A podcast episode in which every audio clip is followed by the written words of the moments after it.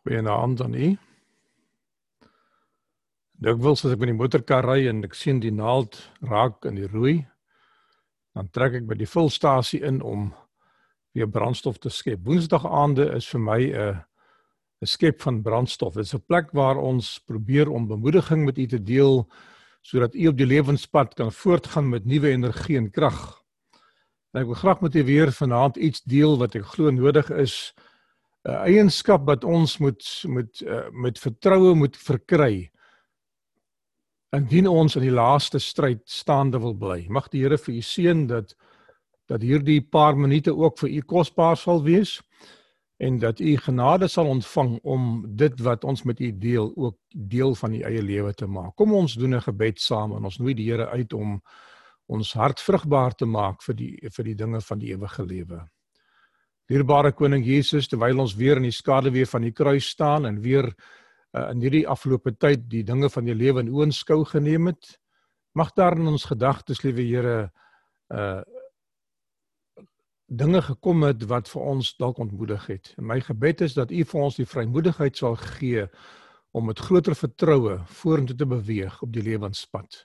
Here seën ons ook nou mag die Heilige Gees aan elkeen wat geloofsvertroue nodig het dit aan hulle toebedeel. Dis my gebed in Jesus naam. Amen.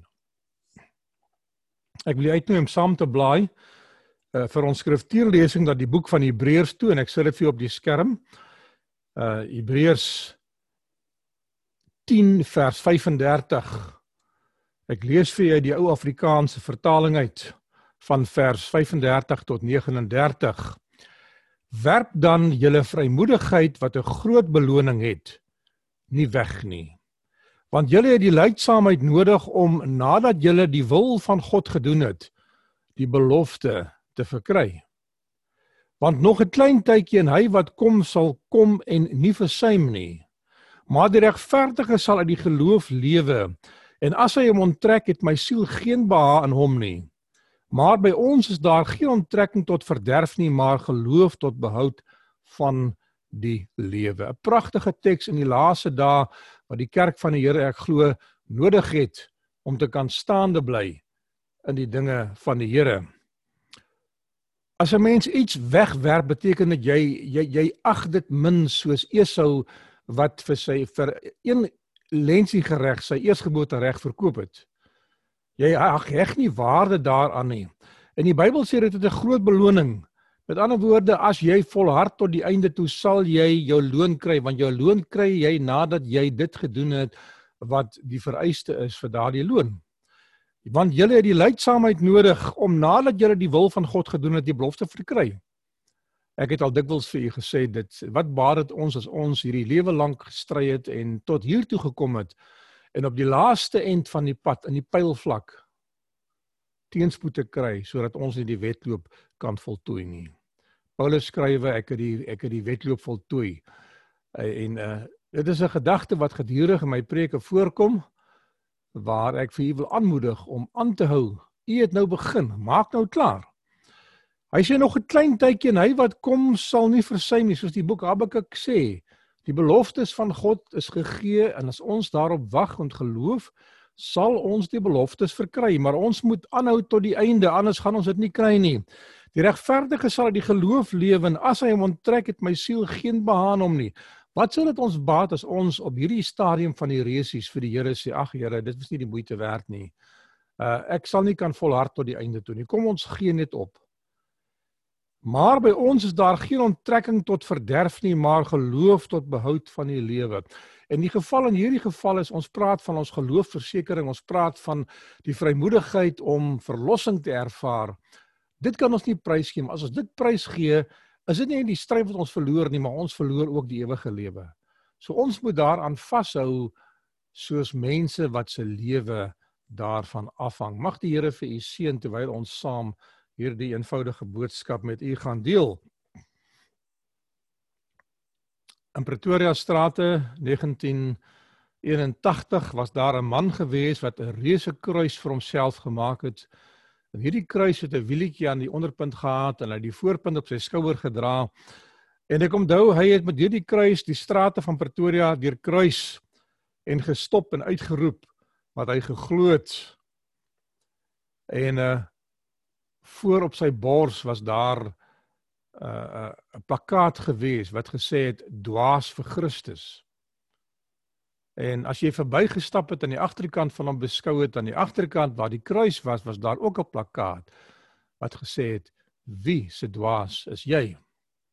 Uiterste gevalle van mense wat 'n geloofs-oortuiging met bravade uitoefen. Somers uit Wes.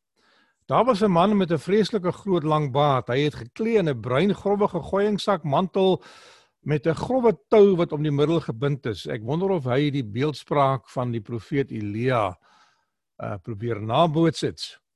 Hy het geloop met sandale en uh hy het niks gesê nie. Ek kan nie onthou wat die plakkaat gesê het nie, maar hy het ook 'n slagspreuk gehad, iets wat hy voorgestel het aan die wêreld. Geliefdes, my my vraag is, wat is die slagspreuk wat u tans met bravade in die wêreld uiter? Is u betrokke by die politiek? Is u betrokke by die kulturele stryd? Is u betrokke by een of ander onreg wat u aangedoen is? Deur die kerk, deur die staat, deur 'n familielid, deur 'n eggenoot, deur uself miskien. Treinpredikers, ek het dikwels met die trein gery in my jong lewe. En ek onthou dat daar mense was wat sodra daardie deure toe gaan het begin het om hardop uit die Bybel uit boodskappe van oordeel oor die mense te donder. En ek ek noem dit so want dis hoe dit vir my geklink het. En uh, ek het nie vrymoedig gevoel om gemaklik te wees met hierdie soort van prediking nie. Die winkel parkeerterreine in die stede van ons dorpe is daar dikwels veral in die ou tyd was daar mense wat op daardie terrein eers gaan staan het met 'n pak klere aan, 'n verslete Bybel in die hand gehad het en en by wyse van 'n resitasie 'n klomp tekste opgesê het en dan weer eens die oordeele van die Here oor die oor die terrein wat gaan het. Ek het altyd vir myself gesê hierdie mense preek vir die karre want die mense as hulle hulle sien, het hulle die mense begin vermy en ander pad geloop, hastig geword. En soms het hy as hy 'n gehoor begin kry het om daarop toegespits. Ek weet nie of u gemaklik voel met so 'n soort van 'n prediking waar 'n teologiese betoog aan mense gebring was nie. Matteus 10 vers 32 lees ek vir u, dit is nie op die skerm nie, u moet dit self naslaan. Elkeen wat hom voor die mense openlik vir my uitspreek, vir hom sal ek ook myself openlik uitspreek voor my Vader wat in die hemel is. Maar hom wat my voor die mense verloon, sal ek ook verloon voor my Vader wat in die hemel is. Nou my vraag vir u is en vir myself, Die voorbeelde wat ek gebring het na u toe, is dit voorbeelde waar ek die Here sal verloon as ek dit nie doen nie? Is dit wat die Here van my verwag? Beteken dit dat ons ook op die straat moet gaan en gaan dinge uitskree? Ek onthou toe ons as jong mense, ek het al met julle dit gedeel, uh oesensameling begin doen het as jong seuns nog op skool was dit aan die begin vreemd geweest en ons het nie die vrymoedigheid gehad om voor mense te staan nie. Maar wanneer ons daardie werk saam met 'n senior persoon 2 2 soos die Bybel voorskryf begin doen het om daardie persoon se voorbeeld te volg, ons het dieselfde dieselfde metode gevolg, gevolg wanneer ons geleer het om uh uh uh uh kolporteerwerk te doen. Ek onthou uh leraar Richard Zili was die een wat my gehelp het om te leer om kolporteerwerk te doen. En ehm um, 'n besonderse man wat die vrymoedigheid gehad het om met mense te praat en ek het dit by hom geleer. En ek het vir al baie gesê ek is maar 'n introvert, ek is maar 'n mens wat stil is in myself. Ek knoop nie gesprekke met mense op 'n natuurlike wyse aan nie. Behalwe as ek mense leer ken, dan ontdooi ek so 'n bietjie. My werk forceer my om voor mense op te tree en die vrymoedigheid te hê om voor mense te staan. Hulle sê vir my in die kommunikasie wat ek wat ek later aan nagraads gedoen het dat om voor mense te staan in 'n publieke platform is een van die dinge wat baie mense vrees. En dit is nie iets wat jy aangewoond raak nie. Daarom moet ons ons kinders van kleins af leer om voor mense te staan in die Sabbatskool, in die kerk en in die skole waar hulle tans vertoon in die huise. Met die huisgodsdienst het my pa vir ons as kinders geleenthede gegee om die Bybel te lees en te bid en kommentaar te lewer op die vlak wat ons kon verstaan. Ek dink jy verstaan wat ek vir julle probeer sê is dat ons moet van kleins af onsself leer om die vrymoedigheid te hê om wanneer dit kom by die dinge van God, nie skaam te wees nie. Ons hoef nie skaam te wees vir gebed nie. Ons hoef nie skaam te wees om in openbaar op te tree nie. Uh by een geleentheid in Namibië het die predikante vereniging van die dorpie in Otjiwarongo uh besluit en ek was deel van daardie groep gewees wat saam dinge bespreek het met hulle dat ons gaan bid vir reën. En in 'n biddag vir reën het hulle al die predikante uitgenooi om deelnemend op 'n Sabbatdag 'n optog deur die strate hê van lidmate wat gelowiges is tot by die feesterrein. En daar by die feesterrein het ons 'n kort boodskap gelewer en daar was 'n sang gewees en dan het daar verskeie kort toesprake gewees van godsdienstige uh, uh, ek wil amper sê orakels van predikante wat die mense bemoedig het en toe het ons ingegaan 'n gebedsessie in en ek was een van die wat moes bid en voorbidding moes doen en die Here moes vra om sy genade oor die land uit te stort. Dit was vir my 'n vreemde ding gewees om so in die publiek, ek is gewoond aan die kerk, maar om in die publiek in die openbaar dit te doen was vir my vreemd geweest. Maar die Here het my genade gegee en ek het daardeur gegaan. Agterna het ons met die strewers gegaan aan die strate in in verskeie plekke waar ons besig was saam met die Pathfinders. Ons het saam met die Befree groep geleer om in die publiek uh hierdie aanbiedinge te doen. En aan die begin voel jy vreemd, maar later dan kry jy moed om dit wel te doen vir die mense. As jy dit eers eenmaal gedoen het, dan gaan dit makliker. Die van u wat betrokke is by mobiele etes gaan deur dieselfde proses waar u voor mense moet staan en soms moet u van u geloof getuig. Optree in die publiek. Jesus laat vir ons 'n gedagte na as 'n voorbeeld. Jesaja 42 vers 1 tot 2. Hier is my dienaar. Die beeldspraak in die agtergrond van hierdie teks toon vir ons aan dat dit die dienskneg is waar wat Jesus uitwys in sy bediening. Ek stel hom aan. Ek het hom uitverkies. Hy geniet my guns. Ek laat my gees op hom kom. Hy sal my wil aan die nasies bekend maak. Hy sal nie roep nie. Hy sal nie hard skreeu nie. Hy sal nie sy stem op die straat laat hoor nie. Die geknakte riet sal hy nie verbreek en die dowwe lamp sal hy nie uitblus nie. Ja, 'n pragtige teks wat geskrywe is oor Jesus. Maar Jesus het nie op die straathoeke gepreek vir die skares wat onwillekeurig by hom verbygestap het nie. Hy het gehore geteken. In die bestudering van ons les die afgelope kwartaal bestudeer ons evangelisasie. En evangelisasie is iets waar ons ons persoonlike ervaring met mense deel nadat ons Jesus ontmoet het en nadat ons tot bekering gekom het. Paulus, die agtergrond van die teks Hebreërs 10 vers 35, werp die vrymoedigheid nie weg nie. Werp nie dit, maar jy moet dit nie weggooi nie, moet dit nie as as minderwaardig beskou nie. Moenie sê ek doen nie daardie dinge nie. Hy skryf aan die Hebreërs, die kerk in Jerusalem, Hy herinner hulle aan die dag toe die kerk gestig was, toe hulle met vrymoedigheid vorentoe gestap het en uitgestaan het vir Jesus in die wêreld. En die apostels het die voorbeeld gestel deur terwyl hulle vervolg was, terwyl hulle gebied was deur die owerhede om nie te preek nie, het hulle nog steeds nie gevrees nie en gepreek. En hulle het hulle eie lewens nie geag nie en was aan die tronke gegooi en was was sommige van hulle die hande aan hulle geslaan gewees en met die kats geslaan volgens die gebruik van die tyd. Voorbeelde van mense. Uh dit was dit was gepaard gewees onder groot lyding, onder groot worsteling, onder persoonlike opoffering in tye van armoede en van stryd en 'n groot gevaar vir hulle persoonlike families. Geliefdes, ek glo ons benader die tyd waar ons weer die vrymoedigheid van Jesus in ons lewens gaan benodig. Die magte van die Satan is teen ons aangevuur. En as u dit nie agterkom nie, ek wil vir u sê ek is verskriklik bewus in die laaste tyd van die aanvalle van Satan in my persoonlike lewe, in my geesteslewe, in my gemoedstoestand veral en in die kerk. En as dit met my gebeur, sal dit met u ook gebeur. Ek wil vir u bemoedig dat u nie sal op hierdie tydstip van u geestelike lewe moedeloos word nie. Uh die voorbeelde Jakobus, die seun van Zebedeus, die broer van Johannes wat onthoof was met 'n swaard deur Herodes Agrippa, die neef van Herodes Antipas wat Johannes die Doper ook onthoof het. Handelinge 12 vers 2. Die eerste apostel wat met sy lewe geboet het. Ek dink terug aan die verhaal toe sy moeder uh by Jesus gekom het en vir hom gesê het: "Here, gee dat my twee seuns aan u linkerkant en aan die regterkant sal sit in u koninkryk."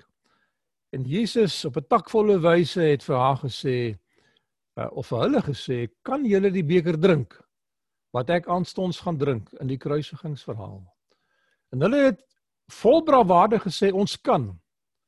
En hy het nie kommentaar daarop gelewer nie, maar hy het in sy godheid vorentoe gekyk en gesien die stryd wat vir hulle wag en geweet dat hulle nog baie genade sal nodig hê om die vrymoedigheid te hê om te volhard tot die einde toe. Daar gaan tye kom wat hulle gemoed hulle gaan begewe. Selfs in Getsemane kort daarna het hulle gemoed hulle begewe en hulle het almal weggevlug en nie die vrymoedigheid gehad om te staan by Jesus in sy verhoor en in sy kruisiging nie.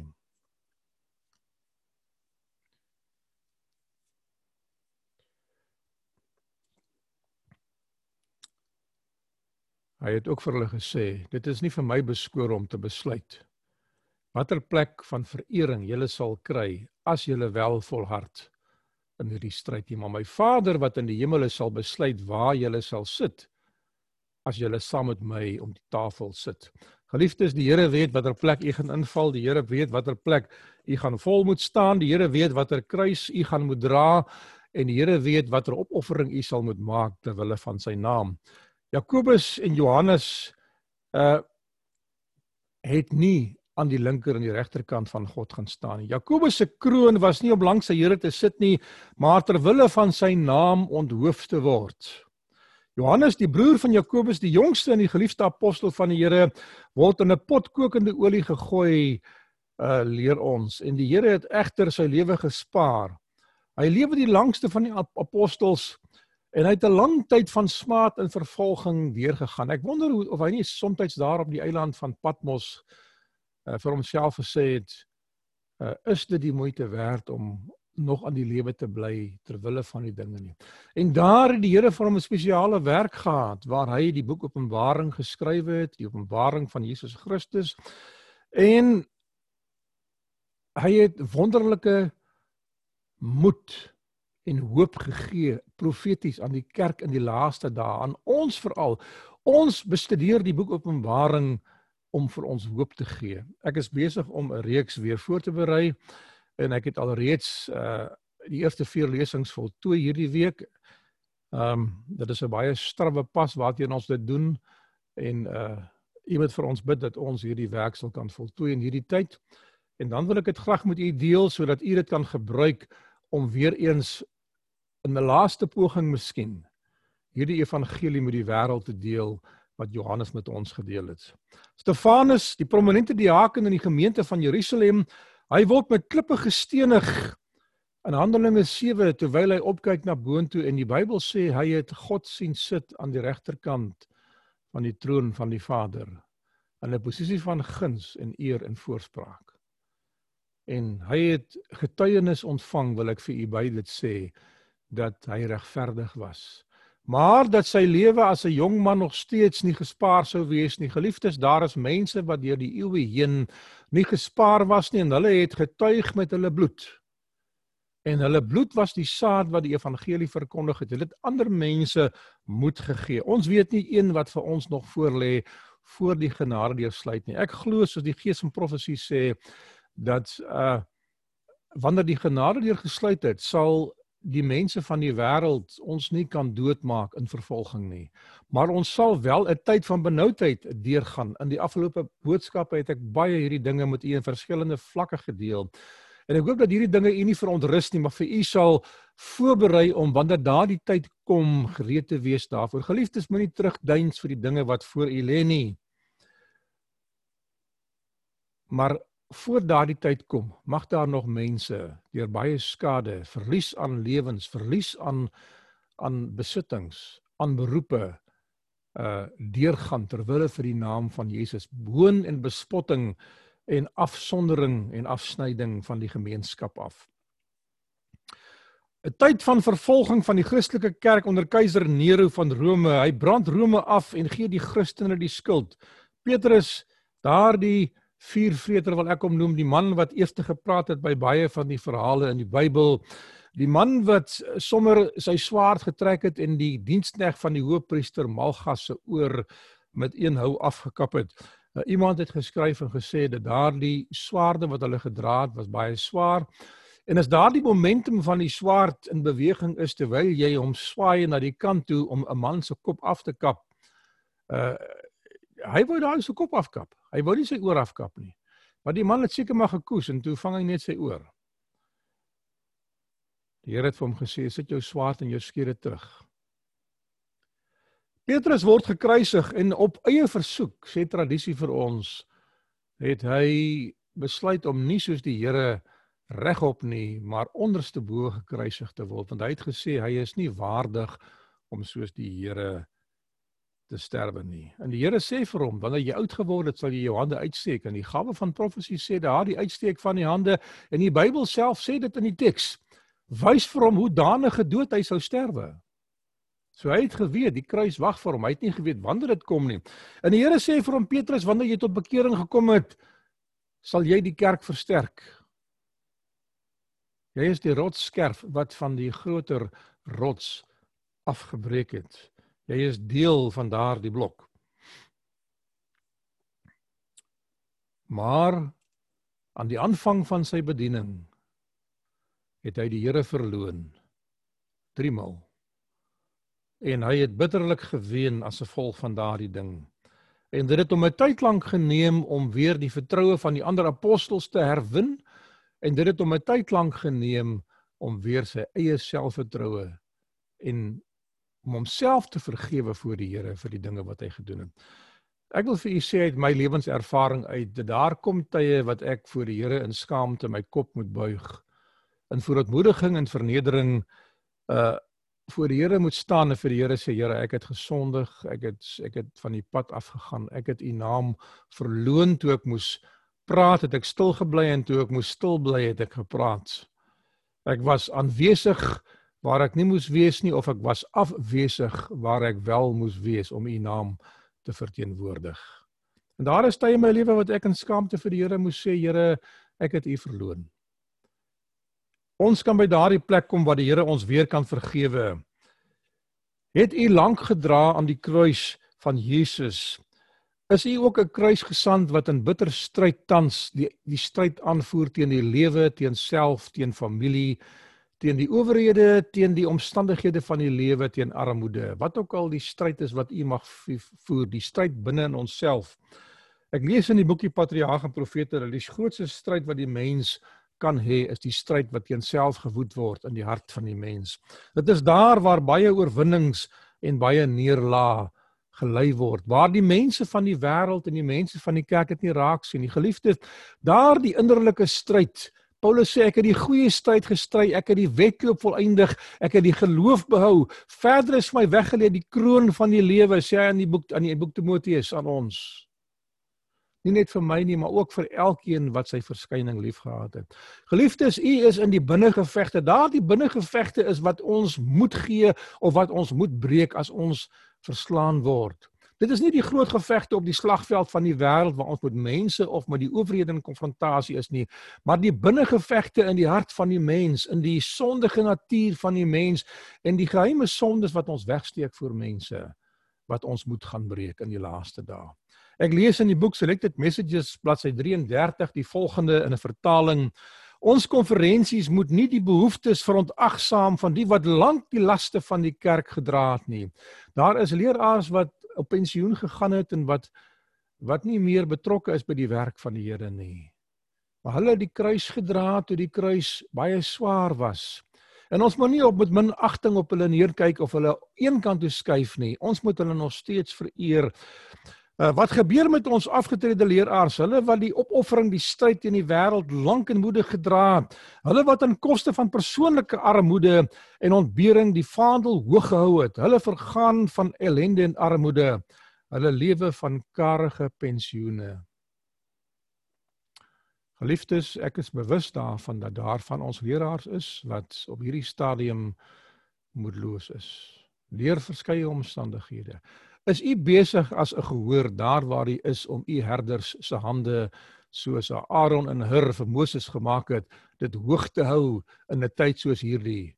Ons is net mense en ek wil nie vra dat u vir my my hande moet hoog hou nie. Wat ek vir u sê is dat dat u moet omsien na die herders van baie van u wat na hierdie boodskappe kyk en luister is mense wat ook u eie herders in hierdie tyd het wat hulle werk vir die Here saam met u doen.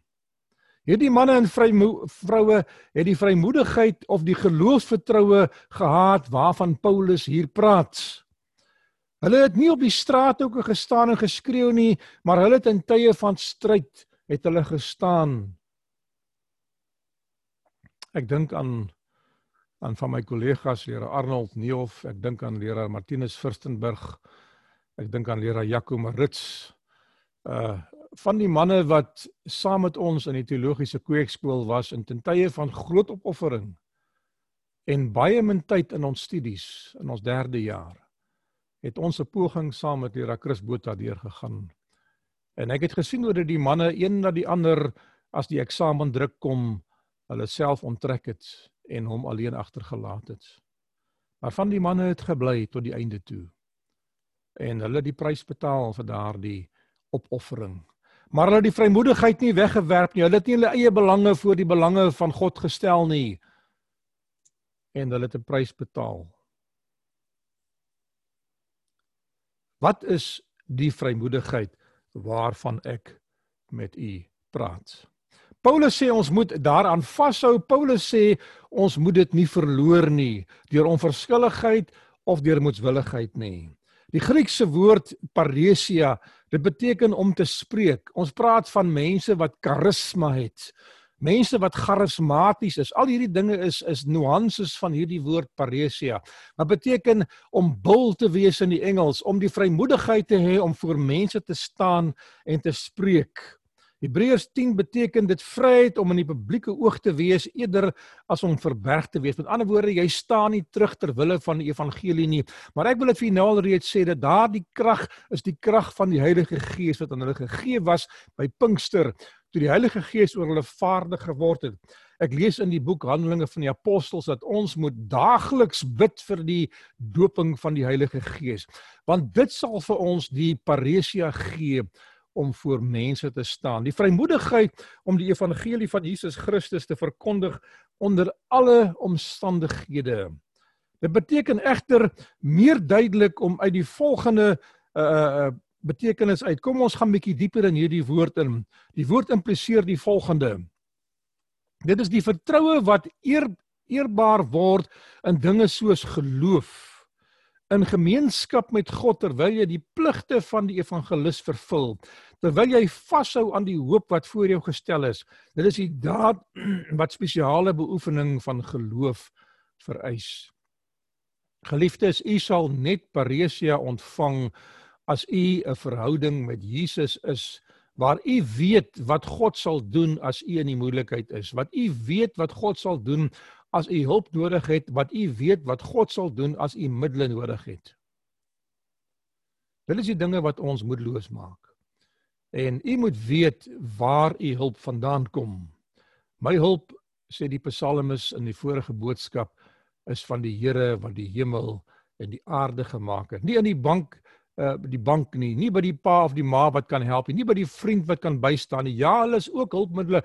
Hulle is die steunpilare wat ons ondersteun in die kerk. U as kerkleiers en die gemeente, die gemeente moet die kerkleiers se hand op hoog hou in die hand die die die die die kerkleiers moet die predikant se hand op hoog hou en die predikant moet in, in moet 'n teenspraak weer die mense bemoedig en hulle weer uh, hulle hande omhoog hou. Daar waar jy met jou rug staan teen die muur en ernstig bedreig word, nou het jy geloof dat God jou sal bystaan as jy onder die omstandighede staan vir wat reg is en nie ingee in die druk van die wêreld, van geld, van vriende of van die owerhede nie. Geliefdes, u gaan getoets word. U gaan getoets word op 'n vlak wat nog nooit vantevore getoets was nie. En in al die lesse wat ek vantevore moet u geleer het, kom dit duidelik uit dat as u in die skool van Christus is daagliks, sal die Here u deur klein toetsies begin plaas wat soortgelyk is aan dit wat op 'n groter verhoog later in die lewe sal kom. En as u nou toelaat dat God u nou toets en u beproef en u dalk moedeloos word sodat u kan krag ontvang om weer op te staan, sal u groei in u geestelike lewe en daardie vrymoedigheid sal toeneem na mate u die hand van God in u lewe ervaar in die werking van die Heilige Gees aanvoer. Aanvoel, liewester. Die eerste betekenis van vrymoedigheid Baie mense van Jerusalem kerk was versterk deur die Heilige Gees met die vrymoedigheid te midde van die vervolging van Keizer Hadrianus in daardie tyd. En en te praat van die opgestaande lewe van Jesus, daarvoor is hulle gemartel, in die gevangenis gewerp en sommige van hulle is op 'n gewelddadige wyse gedood. Maar na Pinkster het hulle die vrymoedigheid gehad. Petrus en Johannes stap in die tempel in na die owerhede vir hulle gesê het, ons gaan die hande aan julle slaan en hulle was geslaan geweest. En hulle was ernstig beveel deur die hoofraad van die Sanhedrin om dit nie meer te doen nie. Maar die volgende dag is hulle weer terug. Dit sou nie kon gebeur as die Heilige Gees hulle nie daardie moed gegee het nie. Hulle was nie beangs, onseker of teruggetrokke en skaam vir hulle geloof nie. Hierdie vrymoedigheid gaan gepaard met die dinge van God. Dit kan ook met die dinge van die lewe gepaard gaan. Ek sê nie vir u u moet sterk wees in die dinge van die lewe nie. Dit moet ook wees. Ja. Ek hou van die digter uh, is dit 'n uh, Leipold wat geskryf het. Ek hou van 'n man wat sy man kan staan. Ek hou van 'n man wat 'n slag kan slaan. En uh, ek ken daardie Afrikaanse gedig uh, ons gebruik hom soms verkeerdelik in ons uh bemoediging van mense. Weet ons wanneer om te praat en weet ons wanneer om stil te bly. Weet ons wanneer die Here ons vorentoe stoot in geloof en weet ons wanneer ons moet terugstaan om nie mense aanstoot te gee nie. En dan White vertel 'n verhaal van Jean Andrews wat sy geluister het in 'n boodskap Uh, sy sê hy die die, die vrypostige manier die evangelie gepredik. Hy preek eendag oor die lyding van Christus en hy vertel die verhaal van 'n Christen martelaar. En die martelaar sê vir sy vriend voor hy tereggestel sou word: "Ek is bang dat my geloof my sal versaak tydens hierdie tyd. Hy sou op die brandstapel sterwe." En hy sê ek wil vir jou 'n teken gee as ek op die brandstapel staan en ek het my geloof nie versaak nie, net voordat ek die laaste kragte uh sal ingee, sal ek my hande oplig as 'n teken dat ek nie my geloof versaak het nie, want hy was bang, hy het nie geweet wat voor hom wag nie. Hy het nie daardie teks van die Bybel, ek het dit ongelukkig nie gedink om in te sit vir u nie, waar die Here vir ons sê, uh ons moet die vrymoedigheid nie wegwerp nie. Hy het hy het nie daardie teks verstaan nie. Somstyds terwyl ek preek terwyl ek voor mense optree dan dink ek aan dinge en as ek nie seker waar ek dit gelees het nie. Ek dink dit is koning van die eeue wat sê dat die die apostels het nie die krag van die martelare ontvang voordat dit nodig was nie. En daardie stelling het ek eendag bestudeer en ek het tot die gevolgtrekking gekom wat die Here deur die Heilige Gees vir ons sê is dat wanneer mense in 'n spesiale stryd vervolging ervaar en marteling deurstaan, gee die Heilige Gees aan hulle spesiale krag om dit te kan verduur. Hoe anderster kan ek verklaar dat Johannes hus op die brandstafel gesing het terwyl hy deur die vlamme verteer was? Uh, ek het al gebrand met vuur en ek wil vir u sê dat dat die pyn wat daarmee gepaard gaan maak dat jy onwillekeurig dinge doen wat jy nie normaalweg sou gedoen het nie. En om te sing terwyl jy brand is nie iets wat enige een sal doen nie. Behalwe as die Here jou senuweestelsel so verdoof dat die pyn nie jou geestelike krag oorheers nie.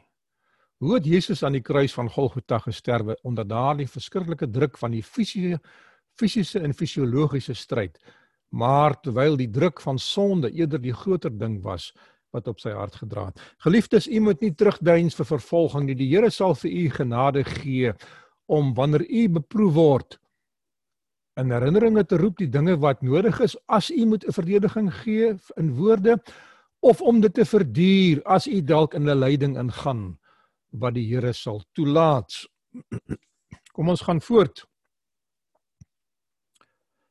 Hierdie man het afgespreek met sy vriend En Jane Andrews het die verhaal vertel dat hierdie man het op die brandstapel gebrand en op 'n stadium het hy in die rigting van sy vriend gekyk en sy twee verbrande hande na boontoe gelig om vir hom te wys hy het nie sy geloof versak nie.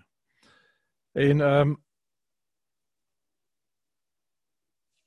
ja, sy vertel die verhaal uit die mond van Ellen White wat sy sê dat die tydens hierdie verhaal het Jay en Andrews in trane uitgebars en weemoedig voor die mense verskyn.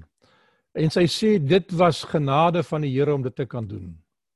Geliefdes, as die Here u verootmoedig voor mense, moenie voel dit is 'n swakheid nie.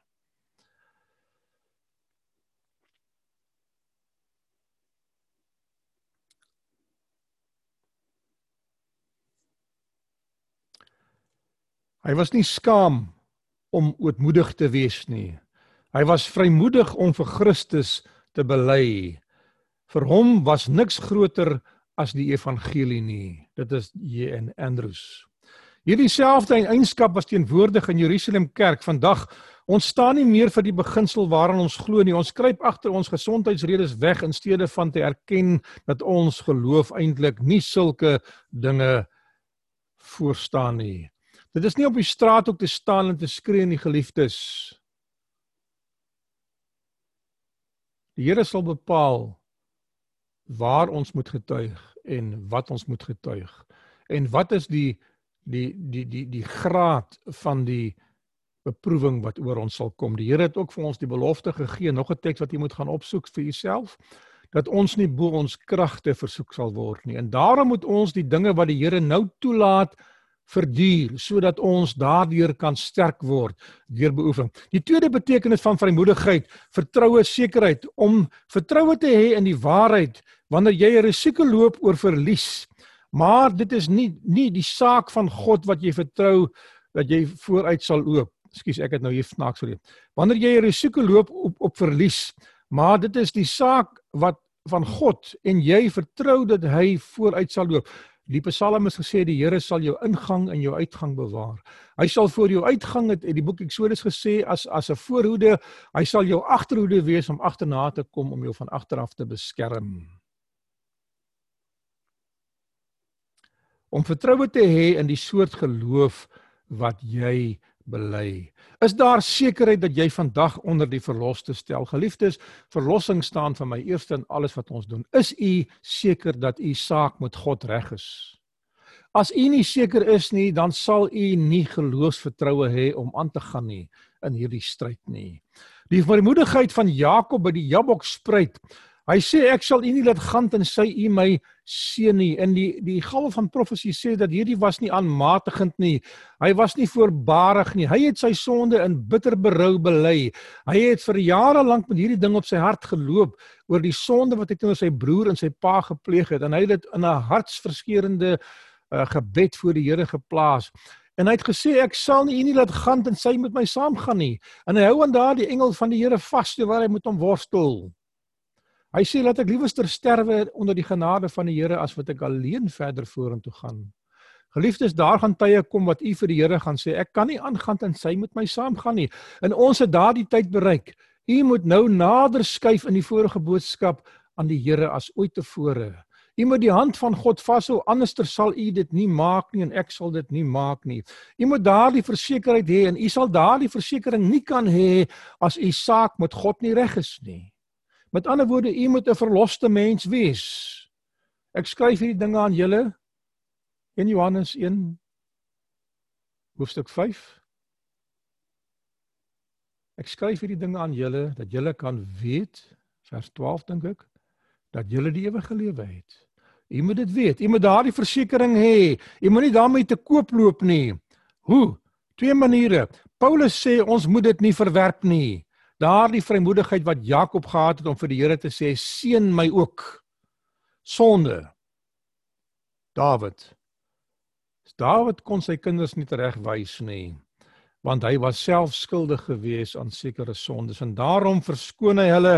Hy kon nie opstaan vir die geregtigheid en 'n voorstander daarvoor wees nie as u die wet van God willens en wetens onder u voete vertrap. En in die openbare lewe, ek stel dit soos die kerk dit stel, uh die dinge van die wêreld doen, kan u nie voor mense staan en met vrymoedigheid die evangelie verkondig nie. Geliefdes, u moet die Here bid vir genade om u te reinig en u skoon te maak en u te vergewe en u dan die krag te gee om te volhard in gehoorsaamheid sodat u voor mense kan staan op die wyse wat God vir u bedoel het. Nie volmaak te wees nie, maar 'n lewe te handhaaf soos ander mense. Petrus, Petrus het lank geneem om te herstel van sy verloning van Christus, maar deur die genade van God kon hy Jesus die opgestane Heiland verkondig agterna. Mense verloor jou vrymoedigheid deurdat ons verstik word deur sondes. As ons sondes in ons lewens het, dan kan ons nie so vrymoedig die, oor die kruis praat nie. 'n Belydenis wat nie uit ons ervaring kom nie, is 'n dooie belydenis. Iemand kan getuig van wat die Here vir u gedoen het. Die tweede ding wat ek wil doen as 'n teenstand teen die vrymoedigheid waarvan ons praat is vrees. Handelinge 18 vers 9 tot 11 sê en die nag het die Here in die gesig van Paulus gesê: Moenie bang wees nie. Hou aan met preek en moenie stil bly nie, want ek is by jou. Niemand sal jou aanval of jou kwaad aandoen nie, want in hierdie stad behoort baie mense aan my. Uh die derde rede is veranderde tye. Ellen White vertel weer eens van Jean Andrew se preek. Tydens die preek gebeur daar die volgende. Broer Hemingway staan op. Hy vertel dat hy heeltemal teruggeval het in sonde. Hy gebruik weer tabak en hy het sy vrou se besoekers teengestaan wat haar kom bemoedig het tydens sy huisbesoek. Hy sê hy sal dit nie meer doen nie. Hy vra vergifnis van die Here en ook van die kerk. Almal in die kerk het stil gebly. Hulle is geskok deur die sondes van hierdie man. Hulle het hom opgeweeg en nou skat hulle hom baie gering. Hulle veroordeel hom op grond van sy belydenis. Sy skrywe agterna en sê in die getuienisse die kerk van God lewe in veranderde tye, tye waar ons nie meer vergifnis vra en ons dade bely voor mense nie. Tye ons verloor daardie vrymoedigheid om voor God ons saak te stel. Dit is vir ons vernederend om dit te doen. Ons karakter kry skade dink ons. Ons het ons vrymoedigheid weggewerp. Geliefdes, as u aan mense kwaad gedoen het en u het in die openbaar of in die persoonlike uh kontak met hulle, hulle te nagekom, moet u en ek dit gaan regstel sê die Bybel. Vergewe ons ons skulde soos ons ook ons skuldenaars vergewe. Dit is 'n voorwaarde vir vergifnis. Die gawe van profesie sê die rede waarom ons nie vrymoedigheid het voor God en voor mense nie is omdat ons opgehou het om ons sondes te bely aan mense. Die Griekse woord uh, paresia het ek vir u gesê, die woord in die Grieks impliseer die volgende: Dit is die gevolg van sonde wat verwyder is deur die genade van God. Dit is wat vrymoedigheid veroorsaak. Met ander woorde, omdat ek weet my saak met God is reg, kan ek nou met vrymoedigheid praat. Die Afrikaanse spreekwoord sê hy wat in 'n glashuis woon, moenie mense met klippe gooi nie, want as hulle teruggooi, gaan hulle jou glashuis stukkend gooi. Wees versigtig wat jy vir mense sê. Ons moenie mense veroordeel nie. Ons moenie mense verdoem nie. Om mense te vermaan en te berus beverg die genade van God, maar alleenlik as ons die pad van belydenis en berou geloop het, kan ons mense in liefde vermaan, soos 'n vriend. Terugbring na die kudde toe. 'n Arm om die skouer plaas. Hulle bemoedig. As sonde dis nie vergewe nie, is daar 'n skuldgevoel in die hart wat die vrymoedigheid van die kind van God wegwerp. As ek iemand iets skuld en ek kan dit nie terugbetaal nie, gaan ek nie by daardie persoon aan huis kuier nie. Ek gaan kuier by mense by wie ek vrymoedigheid het om met hulle te praat. Hebreërs 4:16 Kom ons gaan dan met vrymoedigheid na die genade troon sodat ons barmhartigheid en genade ontvang en so op die regte tyd gered kan word. Die vorige boodskap wat ek met u gedeel oor die regte tyd. Ons moenie vlug soos Adam en Eva weggekruip het nie. Ons moet na God verkom vir genade en so ons vrymoedigheid terug ontvang. Geliefdes, gaan haastig na die Here toe om reg te maak as dinge verkeerd gegaan het. In Johannes 5 vers 14 het ek vir julle net nou ook al aangehaal weer. En nou kan ons met vrymoedigheid na God gaan omdat hy ons gebede verhoor as ons enige iets volgens sy wil vra. Het jy al vir die Here 'n guns gevra? Is daar iets wat jy van die Here verlang by wyse van 'n seën wat nie kan skade doen nie wat wat soos ons les vir ons gesê het daar is sekere dinge wat ons in die gebed van die geloof God kan vra wat hy nie sou gegee het as ons nie in gebed dit gevra het nie.